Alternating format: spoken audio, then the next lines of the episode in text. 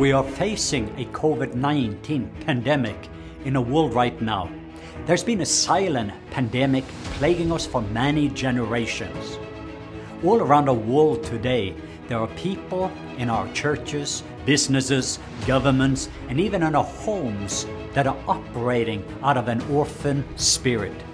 Papa God has adopted us as sons and daughters. We are heirs of the inheritance of King Jesus.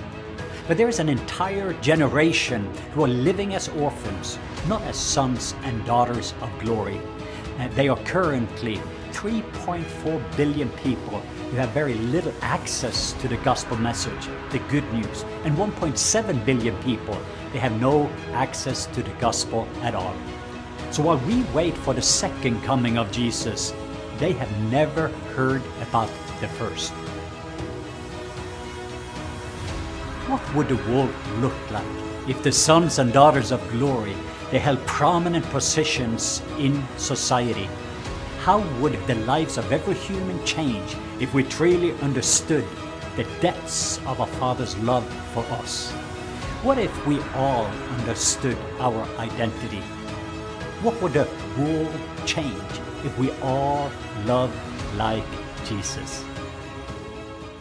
People are Papa God's number one priority, and He wants His kids back. His desire is that His sons and daughters would shed the lies and the stronghold that hinder love and step into their true identity as ambassadors of love to a world searching for a God that looks like Jesus. All of creation is longing for the entire manifestations of the sons and daughters of glory. The time for reformation is here. A tsunami wave of love is coming, and the world as we know it will never be the same. The orphan spirit has plagued our world by causing sons and daughters to believe that they are insignificant and causing the family to believe they are homeless. Papa God wants one billion new sons and daughters to enter his kingdom, and the Agape Reformation is bringing a tsunami wave of love that will transform God's people and the world forever. Orphans will stand up and take their rightful place as heirs of the kingdom and will find their place at the table in the family of God. Family is what the kingdom looks like, and Papa God wants his family back. This Reformation, this Agape Reformation, will be a revival that we've never seen on this earth. It will transform culture, government, and education and will radically affect every sphere of society. Because when love moves in, fear moves out. Oh, it is time to take our place as ambassadors of love and show the world a God that looks like and sounds like and feels like Jesus. It is time for the Agape Reformation.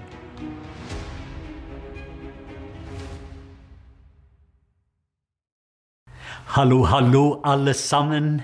Eh, Dette er Leif Hetland, og jeg er så takknemlig for teknologi og muligheten å få snakke norsk her i Atlanta og få dele et budskap til IMI-familien. Før jeg begynner å si noe, så ønsker jeg å si tusen, tusen takk til alle dere som var med og investerte for å ta Guds kjærlighet, spesielt til Pakistan og Afghanistan i denne perioden. Jeg kom nettopp hjem etter fantastiske tur der Gud gjorde så mange fantastiske ting. Og jeg gleder å gi dere en mer klare rapport. Vi lever i ei tid som er så, så verdifull. Og Derfor er det veldig viktig for hver enkelt av oss å forstå og kunne svare på tre spørsmål i denne perioden. Og spørsmål nummer én Hvilken tid er det at vi lever in? That means what time is it? What time is it? Da spør jeg ikke egentlig hva klokka er her nå i Atlanta, eller i Norge, som er seks timer i forskjell. Men når jeg spør egentlig hvilken tid lever vi i, så snakker man egentlig av Guds tidstabell. What is the Kairos moment? We living in. Hva er denne guddommelige tiden som man lever i? Og jeg er her til å si til dere at vi lever i den nest mest verdifulle tida i verdens historie. Den første fant du rundt 2000 år siden, der Gud ble menneske, ble født i Betlehem og der du ser den fantastiske historien der vise menn kom for oss å finne han. Og vise menn i dag kommer fortsatt for å prøve å finne Jesus. Den andre tingen som jeg vil si angående den tiden, det var veldig spesielt at Jesus ble født gjennom en tid der Roma var egentlig i kontroll. For verden kom til Roma, og Roma gikk til verden. Og da plantet Gud sin sønn midt i den atmosfæren. Så det var den mest verdifulle tida i verdenshistorien. Verden har aldri vært den samme som resultat. Men det andre spørsmål som man trenger egentlig å forstå, det er egentlig hva er det egentlig Gud gjør i vår generasjon? Hva er det egentlig Gud gjør i verden. Hva er det egentlig Gud gjør i Norge? Hva er det egentlig Gud gjør i Stavanger i vår generasjon? Det er mange av oss vi kunne snakka litt om hva fienden gjør, hva djevelen gjør, hva politikerne gjør, osv., osv. Men mitt spørsmål er hva er det egentlig Gud gjør? Og det er mange troende akkurat nå, og jeg skal si det på engelsk they are being distracted by what God is not doing because they don't see what God is doing. Det er mange av oss akkurat nå som blir litt forvirra med alle de tingene Gud ikke gjør, fordi man ikke klarer å se klart det Gud gjør. Men det er viktig for hver enkelt av oss, hver enkelt av IMI, familien, hver enkelt medlem, hver eneste kristen, de som skal ta opp korset og følge Jesus, det er egentlig forstå det er dette Gud gjør nå i den tiden man lever i. Og Hvis du klarer, klarer å se og få en åpenbaring angående det, så vil du våkne opp om morgenen, og når det er mandag etter denne gudstjenesten over, så vil du si oh, takk Gud, det er mandag. Fordi at du vil ha en guddommelig hensikt. Du vil forstå det som er det tredje spørsmålet. Hvor er din plass i det Gud gjør? Hvordan investerer jeg min tid, mine penger? Penger og mine talenter, de gavene Gud har gitt, til å være med på det som Gud gjør. Denne tiden man lever i, så må du ikke spørre Gud om å velsigne det du gjør, når du får lov til egentlig å gjøre det Gud velsigner. Og det er så veldig veldig viktig at vi kunne svare på disse spørsmålene. Hvilken tid er det man lever i? Hva er det egentlig Gud gjør? Og hvor er det egentlig hver enkelt av oss hører hjemme? Hvor Eh, er vår plass i det Gud gjør.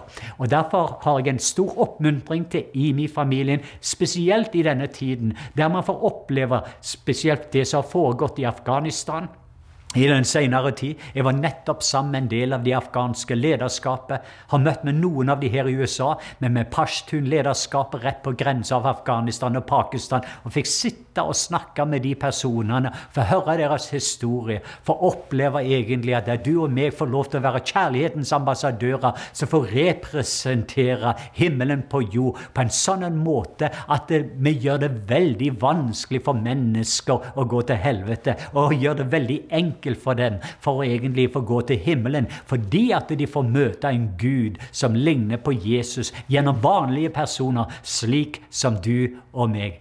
Jeg er så begeistra at IMI-familien har sagt ja til oss å si at ok, nå i Norge Og det begynte sånn på 70-tallet at noen muslimer kom inn fra Pakistan. Når jeg var en unggutt, så var det veldig få muslimer. Jeg visste ikke egentlig hva en muslim var. Men på 70-tallet så begynte de å komme inn fra Pakistan. og Noen noen var litt urolige, men den gangen så tok de noen jobber som nordmenn ikke ville ha. Men i løpet av en periode tid med masse flyktninger Nå i dag så er det over 200 000 muslimer som har eh, kommet til Norge. Noen er andre og tredje generasjoner muslimer. Og så er det andre som kommer inn direkte fra krigssoner, sånn som Syria, eller plasser sånn som Afghanistan. De fleste av disse er sunnimuslimer, men så har du òg noen sjiamuslimer. Og midt oppi det hele så er det egentlig et samfunn som har mye frykt. Jeg hørte at 57 57% av nordmenn de sliter slit og de strever med dette. Og kun 4% kun 4% ville vært begeistra hvis enten din datter eller sønn kom hjem og så sier hei, eh, jeg skal gifte meg med en muslim. Så vi kan merke det egentlig at det er en del frykt i samfunnet. Vi vet ikke helt hvordan skal vi forholde oss til dette. Og det er litt av det jeg ønsker å bruke min erfaring etter 26 år av å kunne lære kjærlighetens språk, som er det språket der blinde får se og døve øre øre klarer å høre. Jeg, får, eh, jeg ber dere om tilgivelse angående norsken, fordi eh, jeg får ikke snakke norsk veldig ofte.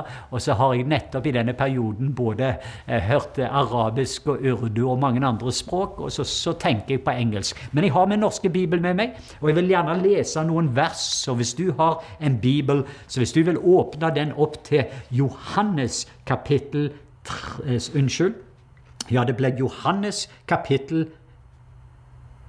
13. Wow! Vers 34 og 35. Et nytt bud gir jeg dere i min familie. Et nytt bud gir jeg deg, du som er en troende. At dere elsker hverandre slik, slik, slik jeg har elsket dere. Skal dere elske hverandre. Og dette skal alle forstå at dere er mine disipler. Om dere har kjærlighet til hverandre. Wow! I denne perioden der det har vært covid-19, der vi opplevde mye av den spenningen som foregikk her, både med svart og hvitt, der vi har fått oppleve det som skjedde nettopp i Afghanistan, og USA opplever også en stor krise angående med mange av flyktningene som kom inn, der grensa vår med Mexico ble sprengt, og vi har levd i så mye spenning. Og noe av det første jeg lærte når jeg var en liten gutt, det er egentlig hvilke fotballag liker du? For i Haugesund så hadde vi tre forskjellige lag. Eh, jeg vet at I Stavanger så var det stort sett Viking som var den store, og, og, og, og Ulf Sandnes og noen av de andre, Bryne og andre var gjerne Men du, du, måtte ta et valg. Hvilket lag står du for? Og Hvis du sto for det laget, så var du imot et annet lag. Jeg lærte dette som en unggutt. Seinere, når jeg vokste og reiste til Nord-Irland, så var spørsmålet egentlig er du en katolikk eller er du en protestant. Så du måtte ta et valg. Enten er du for den ene, eller er du imot. Og er du for den, så er du imot den andre. Så jeg lærte dette som en, en unge gutt. Senere blant serberne og kosva-albanerne. Hvor står du angående dette? Jeg reiste til Sør-Afrika i 1994, og dette med svart og hvitt. Det samme når jeg kom til Selma, Alabama i 1985, så var spørsmålet hvor står du angående dette med svart og hvitt? Og disse tingene her har fortsatt der de prøver å gi oss to, to valg. Du må enten velge den ene eller den andre, men jeg har en utfordring til oss. Egentlig Jesus gir oss det tredje valget, og det er kjærlighet. Kjærligheten er det språket som blinde øyne kan se, og døve ører kan høre. Det Jesus sier 'som jeg har elsket deg'. Den kjærligheten som meg og deg kan få lov til å erfare av Jesus. En kjærlighet der Jesus tar min synd, slik at jeg blir rettferdiggjort. Der Jesus tar min sykdom, min smerte, mine lidelser, så ved hans sår har jeg fått legedom. Den Jesus som tar min skam, så jeg kan få oppleve hans herlighet. Han tar mine båndkarakterer, og han gir meg toppkarakterer. Den Jesus som kommer inn og betaler den store prisen. Jeg var den som fortjente korset, og istedenfor så går han for korset, og så betaler han den prisen. Han viser oss hvordan kjærligheten ser ut. Og så sier han nå til disiplene, til de som er at det, som er beviset på at du er en Kristi etterfølger, det er ikke det at du bare ba en bønn og ble døpt eller konfirmert eller noe. Men det var egentlig noe mer. Det er egentlig på samme måte som jeg har elska deg.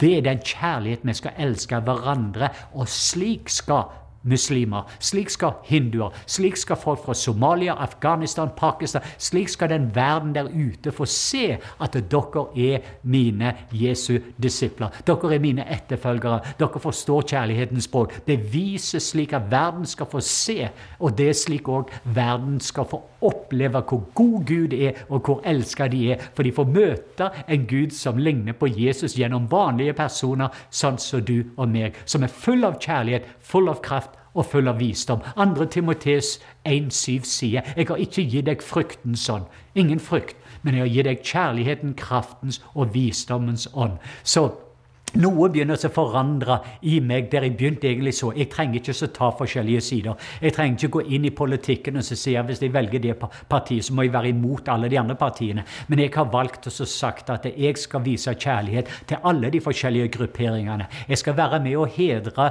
de personene som har kommet inn, fordi heder og ære er egentlig slik kjærligheten ser ut. Og dette begynte å bli språket som begynte å lære når den 6. juni 1995 Randy Clark ba for meg. Jeg hadde en opplevelse, og det var en utrolig forandring som skjedde i mitt liv. Og det var egentlig en åndsdåpsopplevelse og en ildsdåpsopplevelse som tok denne vanlige eh, du kan kalle det Siddis eller haugesunder og araber, men en blanding mellom Haugesund og Stavanger. En baptistpastor, baptistprest, ble forandret av Guds kraft. Og i neste øyeblikk så begynte jeg å reise ut i den muslimske verden. Og det ene bildet som jeg ønsker å dele med dere, det husker jeg så veldig godt. Den første muslimske dama som åpna opp maska, eller åpna opp sløret som hun hadde. Det var ikke ei maske, men det var et slør. Og så fortalte hun at jeg ble frelst i dag. Og jeg tenkte ja! Og i neste øyeblikk øyeblikk så jeg hun ble helbreda i dag. Og jeg ble så begeistra for frelsen og helbredelsen. Og så sa hvor lenge har du hørt dette evangeliet? Og det var akkurat da Norge feira eh, at det var 1000 år siden vi fikk kristendommen til Norge. Og jeg husker det sto det i avisa, derfor har jeg avisutklippet fra den dagen. Og denne dama da sa 'Hvorfor kom ikke du tidligere?'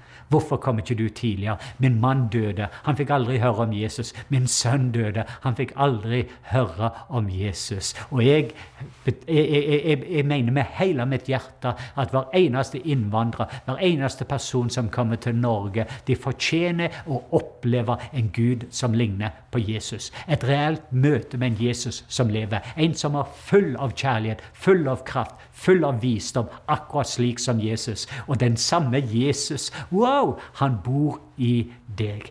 Og han er en del av deg. Du er i han, og han er i deg. Og Da begynte jeg å tenke videre. Vi skal se på noen til skriftsteder, og så skal vi fortelle noen praktiske fortellinger som har hjulpet meg i mitt liv, som kan hjelpe i min familie til å være med å bygge broer over til de innvandrerne, til de muslimske, eh, den muslimske befolkningen som Gud har sendt til Norge. Det er ikke et problem, det er et løfte. og jeg er så jeg ble så takknemlig når jeg fikk nettopp høre min søster. Eksempel, de, de holder på nå å betjene over 200 nye afghanere som har kommet inn til Norge. Og jeg bare fortalte hvordan hun får lov til å demonstrere kjærlighet. Jeg husker når Syriakrisen foregikk, og min bror Svein i Haugesund han begynte å betjene en familie. Min søster Anette begynte å betjene en familie. Og jeg har sett forandringer av denne familien. Og sist jeg var i Haugesund, så fikk jeg møte de personene, og jeg fikk se et forandra liv.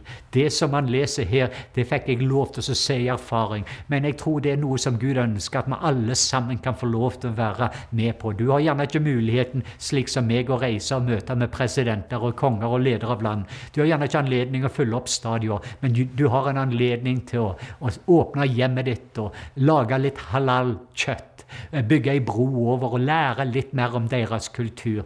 Begynne egentlig å ha en interesse og lytte til det de har å si. Ikke begynne å fortelle om alle de tingene som er ulikt mellom den kristne tro, men bygge ei bro over de tingene som man egentlig har i felles. Og det er så utrolig mange ting vi har i felles som vi kan bygge ei bro over og begynne å bli kjent med hverandre. Og så gir dette en mulighet. Jeg sier på engelsk at people don't care how much you know until they know how much you care. At folk bryr seg egentlig ikke hvor mye du vet, og hvor mye du kan, før de egentlig får erfare og kjenne og oppleve hvor mye du bryr deg. Og når de finner ut hvor mye du bryr deg, så stiller de spørsmål hva er det egentlig som gjør, som en bror Svein som var med og hjalp dem med en leilighet. Senere så kjøpte han en leilighet slik at de kunne få bo med sin familie en mye bedre kvalitet. Han nådde ut, og kjærligheten viste og ble bevist på en veldig praktisk måte. Men Johannes 20, og jeg underviste dette til Imi kirka, eh, det var det siste budskapet jeg hadde, men jeg vil gjerne formulere formulere dette ut ifra det som jeg vet at det er litt av deres kall i denne perioden. Og det er tatt ifra Johannes 20, vers 19. Om kvelden, samme dag, den første dagen i uken, var dørene lukket, der disiplene var samlet fordi de fryktet for jødene. Men Jesus sto iblant dem og sier til dem, Fred være med dere. Da han hadde sagt dette, viste han dem hendene og sin side. Og disiplene ble glade når de så at det var Herren. Igjen sa Jesus til dem, Fred være med dere. Som min far har utsendt meg, sender jeg også dere. Da han hadde sagt dette, ånda han på dem og sa, ta imot Den hellige ånd. Hvis dere hver enkelt av dere i min kirke. Hvis dere, disipler, hvis dere tilgir syndene for noen, så blir de tilgitt. Men hvis du fastholder synden for noen, så blir de fastholdt. Eh, disse versene har vært med meg nå i løpet av de siste årene. Og spesielt med covid og med mye frykt og med mye spenning som foregår rundt omkring i verden. Disse versene har vært en del. Egentlig inne på kontoret rett over her så satt nettopp en toppmuslimsk leder, og disse versene kom der Jesus kom inn og fulgte kontoret mitt med sitt nærvær, sin herlighet. Og det var fantastisk. Denne muslimske lederen ble helbreda. Og Gud gjorde noe fantastisk stort, noe veldig sterkt, og det ble bånd som skjedde i oss. Men det begynte med vers 19, at de hadde frykt. Og det er noe av det som du ser. De er låst opp i et rom full av frykt. Og vi kan være i menighetslokaler, være i hjemmene våre og være i frykt og høre på alle nyhetene hvor skremmende muslimer skal ta over Norge, og mye av denne skremselspropagandaen. Jeg vil bare minne hver enkelt dere på det Gud har ikke gitt oss en fryktens ånd, 2. Timoteus 1,7. Men du har en kjærlighetsånd fordi du er fullt av kjærlighet. Du har en kraftens ånd fordi du har Hans kraft, en kraft til å møte alle de behovene som er det. Og du har en sindighetens ånd, og visdommen vil komme der det er sindighet, der det er fred i dine sinn, tanker og ditt hjerte. Så jeg vil bare bruke disse versene, for det har vært en modell som jeg har brukt. Først må jeg ta imot noe for å bli noe, for å gi noe. Først må jeg ta imot noe for å bli noe, slik jeg kan få gi noe. Og Da vil jeg bare begynne med at disse disiplene, som hadde et kall til å være med, de skulle være både lys og salt. Nå I neste øyeblikk så har de frykt. Det som har skjedd med Jesus, de var redd at det skulle skje med dem. Og så står det i Bibelen at Jesus kom, og han fulgte Han, han bare kom inn i dette rommet med sitt nærvær. Han banka ikke på døra fordi han er døra. Han kom inn og bare fulgte dette rommet. Og I denne perioden så har jeg hatt flere opplevelser der han har bare fulgt meg med sitt nærvær. Jeg kan ikke gi noe når jeg går inn i moskeen. Jeg var nettopp i den største moskeen her i Atlanta. Det første jeg gjorde, jeg ble fulgt av hans nærvær, slik at jeg bærer Jesu nærvær med meg der jeg går. Det andre Jesus var Han sa 'fred være med deg'. Jeg vet ikke om du vet det, men, men når muslimer hilser på hverandre, så sier de 'assalamu alaikum'. Og så sier de imot seg 'walakum assalam'. De alltid gir egentlig en, et fredsbudskap til hverandre. Og Det er veldig viktig at du og meg kommer det, og vi er der for oss å bygge fred. Ikke det for oss å separere personene, men vi kommer der med fred og bygge broer over til disse personene. Så du og meg, når vi kommer der, det er ikke for å argumentere, det er ikke for å diskutere. Det er ikke egentlig det for oss å se mennesker frelst. Hvordan ser det ut? Hvis du elsker noen uten at du har en krok, uten at du har en agenda, men bare av at du har blitt kjærlighet. Fordi det er den perfekte kjærlighet som kaster ut all frykt. Du kommer aldri til å vinne en argument hvis du ønsker egentlig å si det. Dette er det Bibelen sier. De vil si dette er det Koranen sier. Og de vil si det egentlig at Koranen er den siste åpenbaringen av Allah til mennesker. Og du kommer aldri til å vinne et argument. Men det du kan egentlig få lov til, du kan vinne troverdighet. Du kan vinne hjertet med å egentlig begynne å få en interesse av å lytte Lære å stille spørsmål, lære noe av deres kultur, lære noen av de tingene som de sliter med. På samme måte med Jesus med den samaritanske kvinna. Han kom der og ba til og med om en tjeneste. Hun lurer egentlig på hva er det egentlig som gjør at du, du som en jøde, du som en lærer, hvordan vil du komme til meg? Forstår du ikke hvem jeg er? Når han begynner å åpenbare og mange av oss tenker egentlig på ja, ja, men hun har vært skyldt, hun må være eh, veldig løse på tråden. Men ofte i Midtøsten kan det egentlig være et helt annet bilde i denne historien med den samaritanske. Kan det være at Jesus ser noe som ikke andre ser? Kanskje var det at hun ikke kunne få barn. Historien forteller ikke det. Og så skiller den ene personen etter den andre. For jeg leste nettopp en fortelling om, av en person som jeg kjenner. Ei som nettopp ble kasta ut og ble forkasta fordi hun kunne ikke få en sønn. For mannen ville en sønn, og de hadde ikke rettighetene som en kvinne. Mens Jesus viste en kjærlighet. Og alle disse damene som du ser gjennom et slør Du vet ikke hva som foregår bak sløret, men de òg har gjerne en drøm, en dyp unnskyld, brønn. Og det er en dyp brønn der Jesus går inn i dybden av den brønnen. Det kan være skam, det kan være frykt, det kan være forskjellige ting. Å være med å dra ut noen av de tingene. Og få lov til egentlig føre inn et levende vann som kan gi liv til menneskene som har gått gjennom så mye ondskap, som har opplevd så mye mørke, som sliter med så mye fordømmelse. Vite det at det er ikke noen ting i deres religion som kan gi dem total fred. Og vite egentlig det egentlig at Allah eller Gud er allerede veldig stolt av dem. Så Derfor er det veldig viktig derfor er måten du og meg lever dette livet på, på samme måte som Jesus gjorde med den samaritanske kvinna. At du og meg først får ta imot hans nærvær, hans fred. Og så gjør Jesus noe annet. Han viste dem hendene og side og side. Og bildet på dette for meg i måten jeg møter mine muslimske venner, mine muslimske lederskap Det var litt interessant bare eh, i mitt nabolag der jeg bor. Så på venstre side så har jeg Ei dame fra Laos. Vi har en katolikk over her. På den andre siden har jeg en hindu, en brahman, som er det høyeste. Han er en kirurg. Og så har vi en jøde som bor i det neste huset. Og så har vi en muslimsk familie fra Pakistan. Så bare i vårt nabolag så er jeg en minoritet, og det er jeg veldig begeistra for. Eh, før, når jeg holdt på med religion, så hadde jeg sagt oh, jeg kan bli påvirka av alle disse religiøse kreftene. Men nå som en Jesus-troende som har lært kjærlighetens språk, så vet jeg at det lyset i meg er mye større enn det mørke mørket rundt meg. Så var vi nettopp på middag over hos denne muslimske eh, Han er en, av, en overlege. Og da tok han alle de andre doktorene og overlegene, og så begynte man egentlig å dele liv. Og i løpet av denne perioden nå har jeg fått nye invitasjoner til å komme og være med. Og det er noe av det som Jesus gjorde, og måten han opererte på. Denne samaritanske kvinnen hun fikk et sånt møte med Jesus at det på en eller annen måte hun ble forandra av kjærlighetens kraft, som var med og forløste. Og alle plasser plasser. Hun ble en sånn en smittsom. Hun fikk kjærlighetsviruset, som var mye større enn fryktsviruset. Skammen gikk bort, skylden gikk bort, kjærligheten kom inn, friheten. En frie mennesker setter mennesker fri. Wow!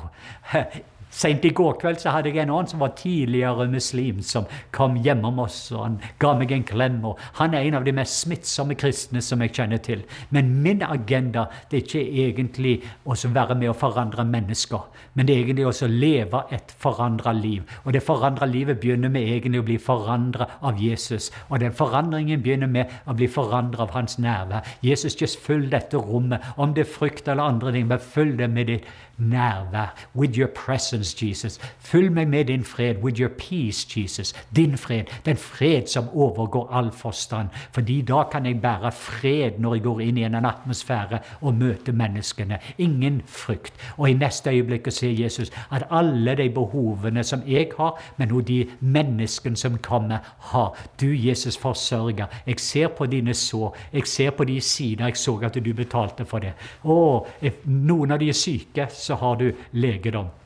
De som trenger kunnskap, så har du et ord fra han fordi du vet at han tok seg av alt det de trenger. Og når du har tatt imot det, så kan du få lov til å være med og gi det. Så dette er bare noen enkle vers som jeg bruker i en daglig basis når jeg møter mennesker i dagliglivet. Så ikke ha frykt i neste øyeblikk ta noen av disse tingene inn til deg. Og så står det at de ble glad. Og jeg tror at gleden som man har som troende Gleden i Herren er vår styrke. Når vi egentlig får en glede. Dette er ikke noe man må gjøre, men noe vi får lov til å være med. Det gir meg en sånn en utrolig stor glede å få lov til å representere en Gud som ligner på Jesus, som en kjærlighetens ambassadør. Mitt ønske for IMI-familien er at, ikke at du skal ha 700 benkevarmere, men du vil ha 700 kjærlighetens ambassadører som vil representere kongen på en sånn måte at menneskene kan få en del og få smake og se hvor god denne Gud er.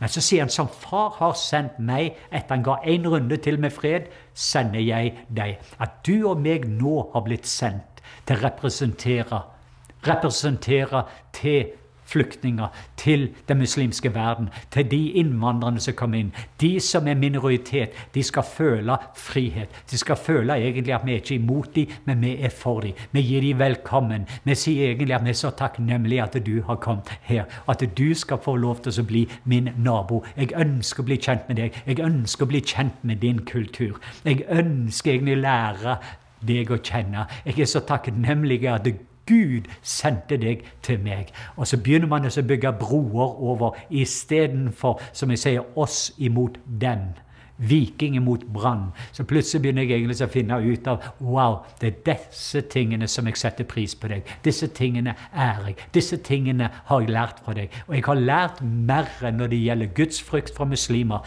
disiplin gjelder muslimer, familieliv gjelder muslimer. Jeg har ca. ti ting som jeg har lært av muslimer når jeg har begynt egentlig å bare bli kjent med dem på en måte. Men frykten må tas bort ifra oss sjøl ut ifra vår komfortsone og i neste øyeblikk begynne å gjøre oss tilgjengelige, slik man kan få en betydning. Og så i neste øyeblikk, når vi forstår som far sendte Jesus, så skal han sende hver enkelt av oss til å representere han.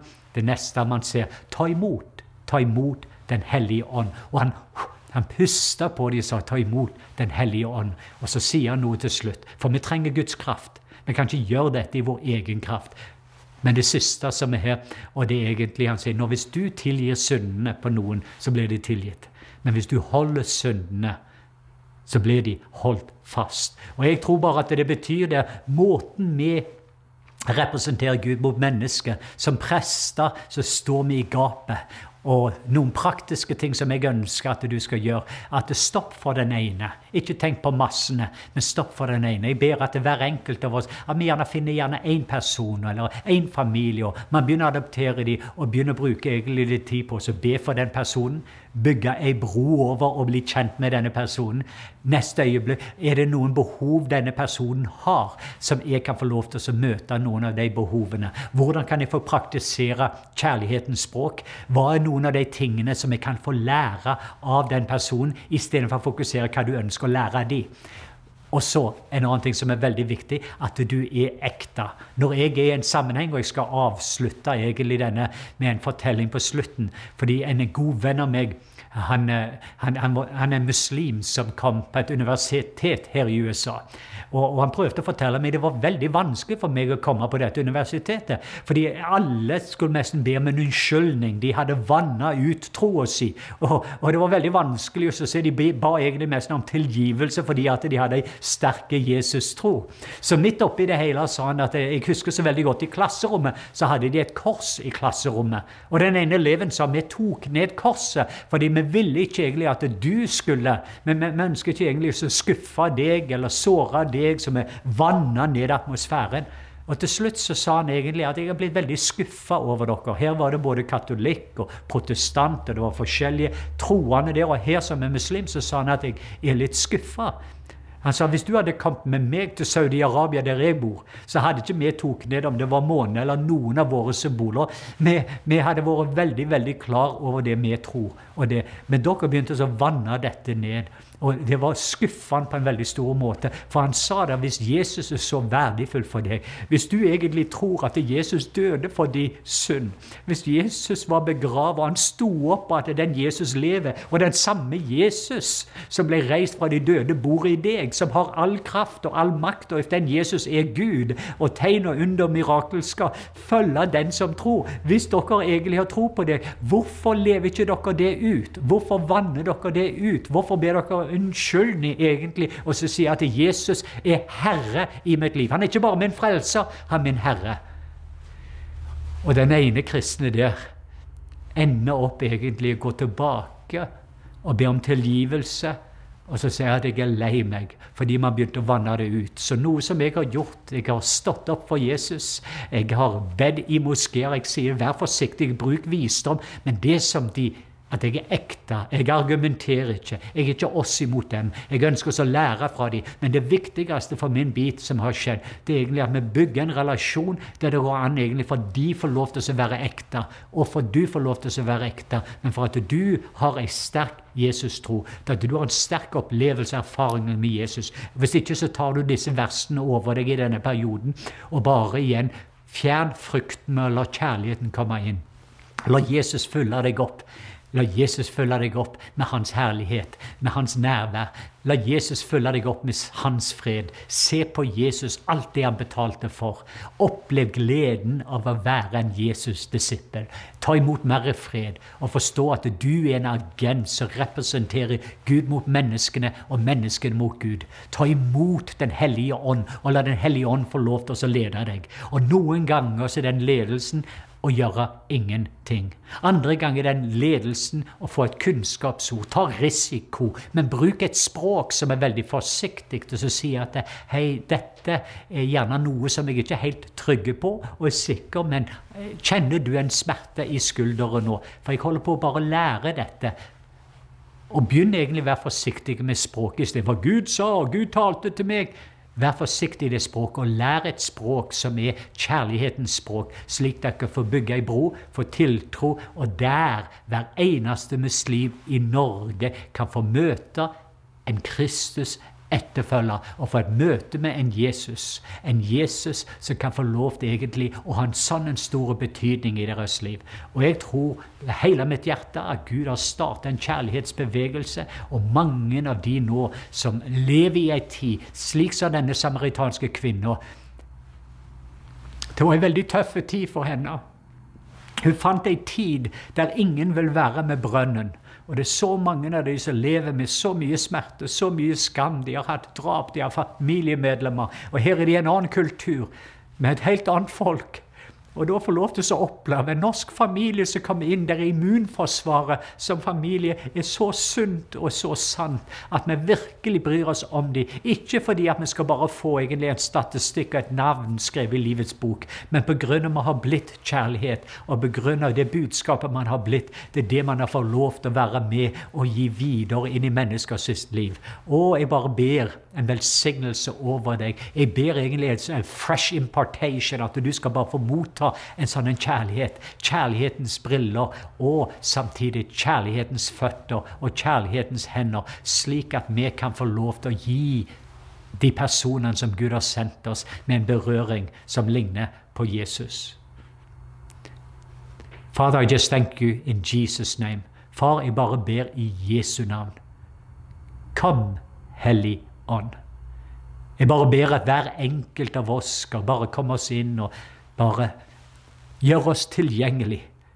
Det er vanlige personer sånn som du og meg, som har hatt en uvanlig opplevelse, en stor opplevelse. En kraftsopplevelse, en kjærlighetsopplevelse, en visdomsopplevelse med deg, Jesus. Jeg bare ber Jesus at du vil leve livet ditt i og gjennom oss. Jeg ber at du skal lede oss til de rette personene, og du skal gi oss den rette visdommen. Du skal gi oss det som skal til, slik at de skal få lov til å komme til deg, Jesus. Få møte deg, Jesus, og få lov til å ta et valg, et fritt valg, slik at de kan få oppleve en frihet, slik at de kan få oppleve legedom, slik de kan få oppleve en Gud som ligner på Jesus gjennom vanlige personer sånn som oss. I min familie, tusen takk. Jeg vet at det er så masse masse må, mer praktiske ting jeg ønsker å dele med dere. Vi holder kontakt, vi gjør dette sammen. Jeg er veldig stolt av dere. Jeg er veldig begeistra for det dere gjør, og har tro på dere. Jeg har et kurs som jeg begynner nå i januar, nettopp ferdig med 270 kjærlighetens ambassadører som har blitt trent. Som har et kurs der vi tar mennesker som har tatt et kjærlighetsfrø til å bli et kjærlighetstre, slik at det kan bli en kjærlighetsskog. Så hvis du lengter eller ønsker å bli en av disse kjærlighetens ambassadørene, så har vi tolv uker i sammen der du egentlig får ikke bare undervisning, men du får opplevelser, erfaringer, møte med Jesus som er å forandre livet vårt, slik at du kan bli utrusta og lære dette kjærlighetens språk, slik at både dine familier og venner og de personene rundt deg kan få oppleve en Gud som ligner på Jesus. Så vi setter dette opp, og, og så ønsker jeg at du bare sender inn din søknad. Vi håper å ha 500 personer som vil bli kvalifiserte til å representere himmelen på jord som kjærlighetens ambassadører. As ambassadors of love. Glad i dere. Vi snakkes!